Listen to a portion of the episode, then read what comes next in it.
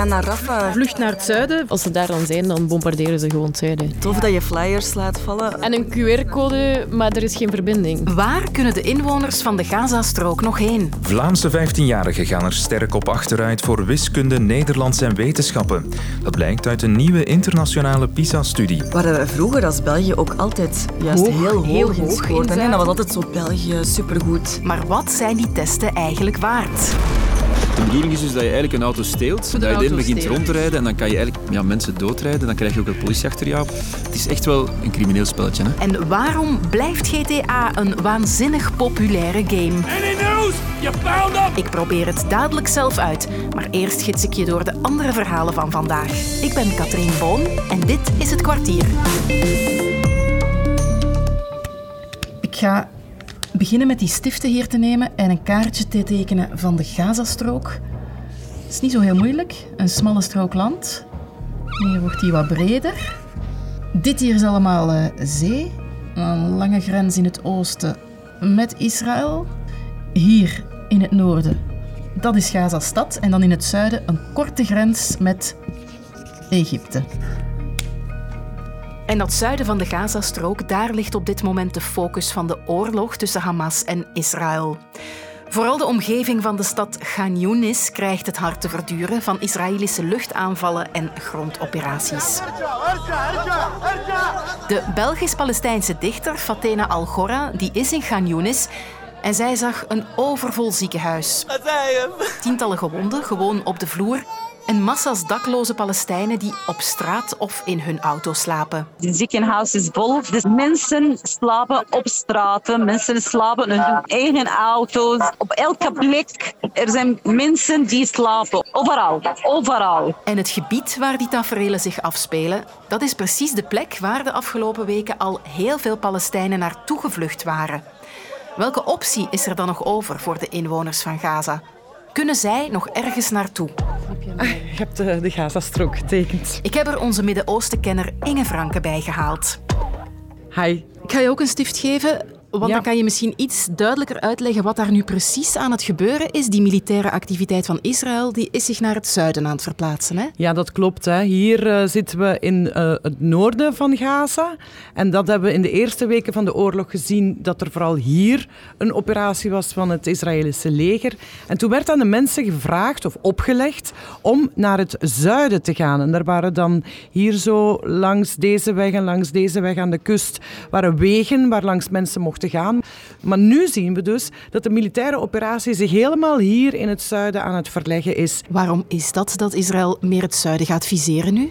Wel, Israël heeft sinds het begin van de oorlog hè, vooral het noorden hier zeg maar schoongeveegd.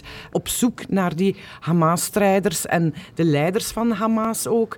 Maar iedereen vermoedt dat de leiders van Hamas zich intussen in het zuiden van Gaza schuilhouden. En dus verleggen zij die operatie naar het zuiden van Gaza in de hoop dat ze hier ergens de kopstukken van Hamas ook gaan vinden. Wat doet Israël nu? Ze hebben de hele Gazastrook ingedeeld in 2400 kleine zones. Dat zijn allemaal hele kleine vierkantjes. En als zij gaan bombarderen, vliegen zij met een vliegtuig boven Gaza. Ze droppen allemaal pamfletjes met QR-codes.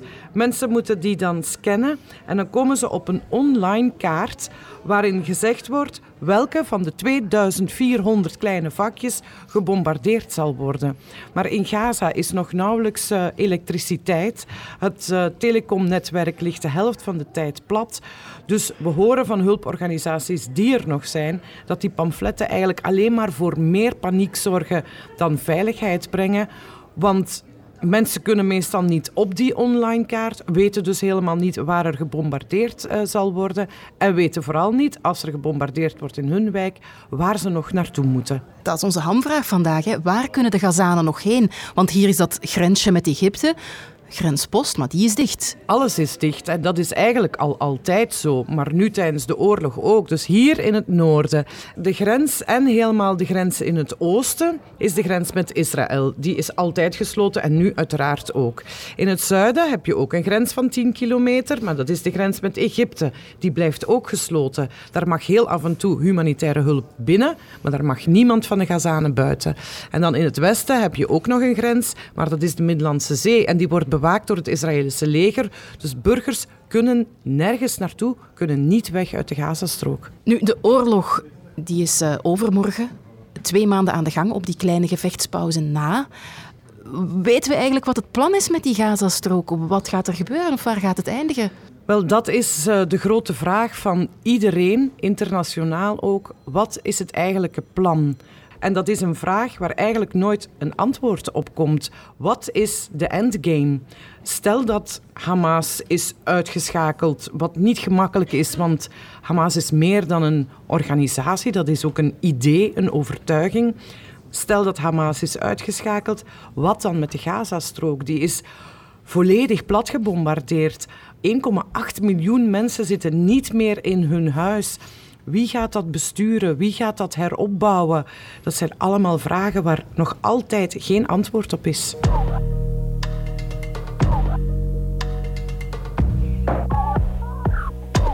Jan wil twee postpakketten naar een vriend sturen, die respectievelijk 40 gram en 80 gram wegen. Bepaal, uitgaande van de tarieven in bovenstaande tabel, of het goedkoper is de twee poststukken als één pakket te versturen of als twee aparte pakketten. Schrijf je berekeningen op van de kostprijs voor beide gevallen. Oei, dat is iets waar ik niet heel sterk in ben, maar het is een vraag uit de PISA-test.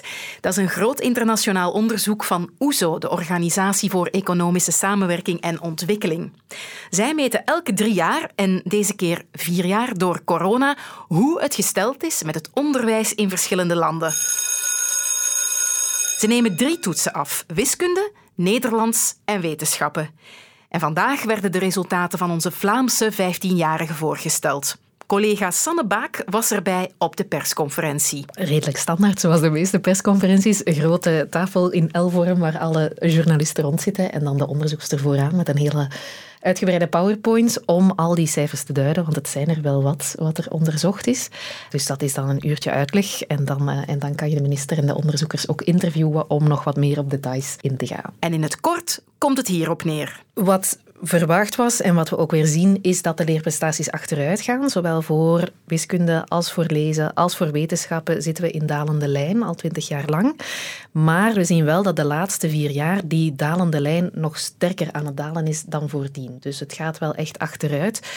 Wat we wel zien is, bijvoorbeeld voor wiskunde, als je dan Europees gaat vergelijken, dan staan we nog wel redelijk bovenaan. We staan op de tweede plaats, dus dat is zeker niet slecht.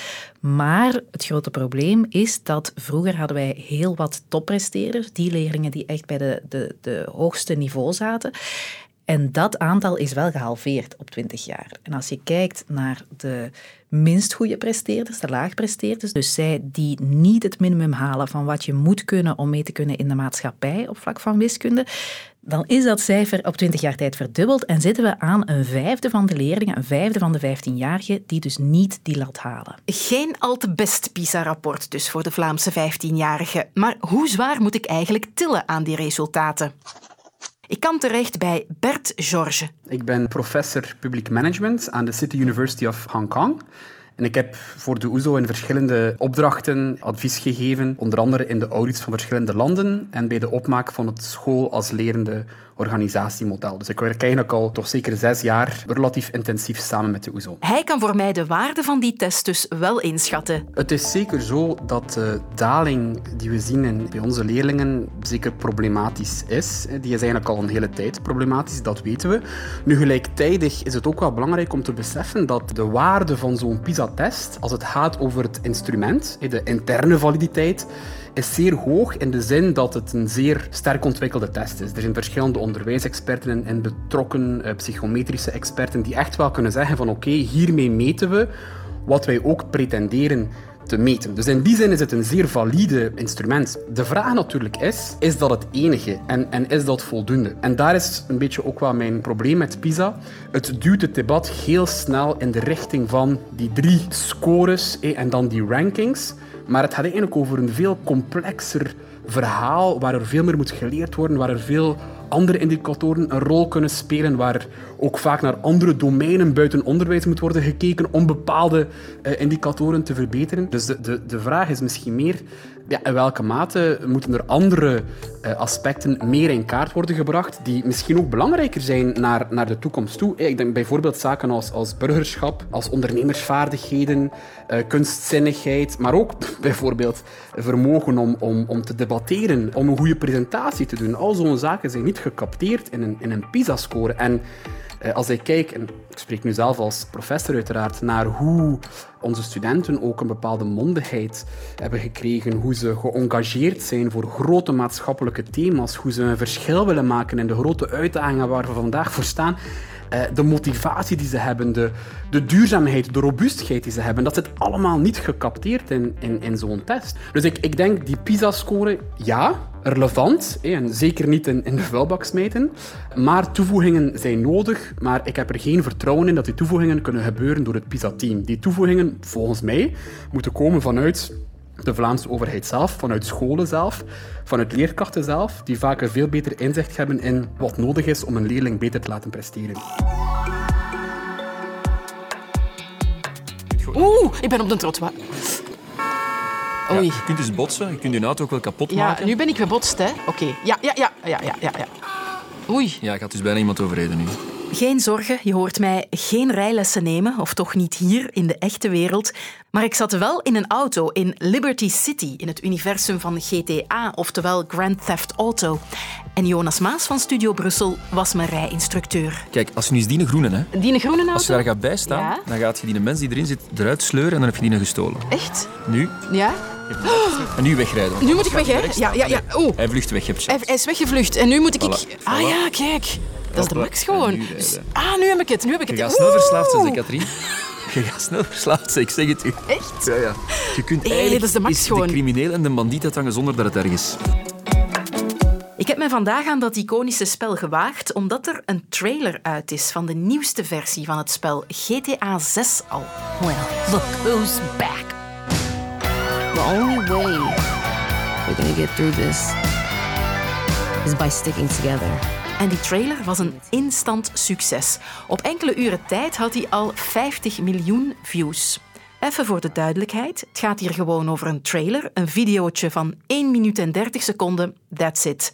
Het spel zelf, die GTA 6, zal pas in 2025 te koop zijn, maar het enthousiasme van de spelers is nu al zo groot dat een onbekende hacker zelfs al enkele beelden van de trailer online had gezet. Op YouTube kon je al gaan kijken en dan stond er hoeveel mensen dat likten. Nu, dat ging in een half uur van 50, 60, 70.000 likes die erbij kwamen. Dat is waanzinnig. Je zag gewoon die teller van de duizend, zag je bijna voor je ogen verder klikken. Je hoort Raf Pikavet. Ik zit waarschijnlijk in deze podcast omdat ik sinds 2000 als gamejournalist aan het werk ben. En ja, ik heb, ik heb de Xbox zien komen, de Wii U zien komen, de Wii zien komen.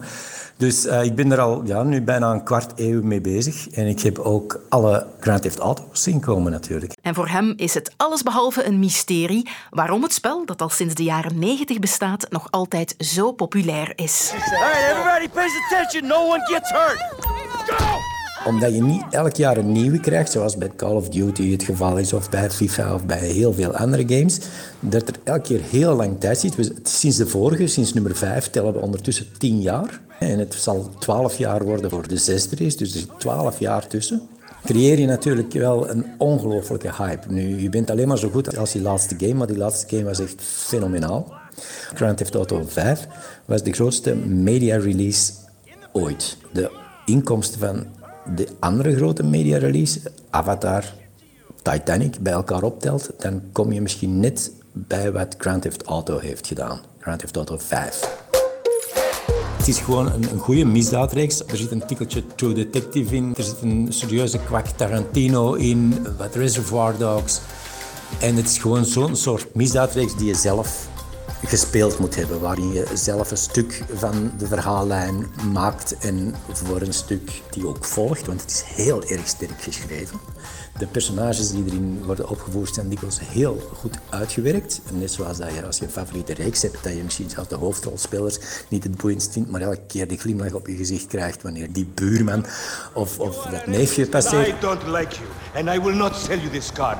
I will not. You make my skin crawl, you neo-Nazi. Ik maak me sterk dat niemand GTA koopt of speelt om mensen van het trottoir te rijden. Er zit minstens zoveel humor in, er zit uh, minstens zoveel tragedie in, er zitten zelfs diepdroeve momenten in. Het hele plaatje klopt normaal gezien. Nu, ik hoop wel, alles wat ik nu heb verteld, dat ga ik voort op wat er in de voorgaande drie, vier en vijf kwam. En misschien is het wel helemaal anders in deze. Misschien valt deze wel volledig plat. Misschien gaat deze wel compleet voor gratuit geweld enzovoort. Want er is gewoon niets van geweten. Als de jongens van Rockstar ergens ook goed in zijn, behalve hun tijd nemen, dan is het in dingen geheim houden. We weten nog enorm, enorm weinig. En we zullen enkel iets weten wanneer die jongens zeggen van nu krijgen jullie weer een kruimeltje informatie. En blijf vooral ook onze kruimels volgen. Ze leiden je elke werkdag naar een nieuwe aflevering van het kwartier op VRT Nieuws en VRT Max. Morgen zit Lode weer klaar voor jou. Luister ook naar Snapt je mij nu? Onze VRT Nieuws-podcast waarin straffe twintigers praten over hot topics. Nu in de app van VRT Max.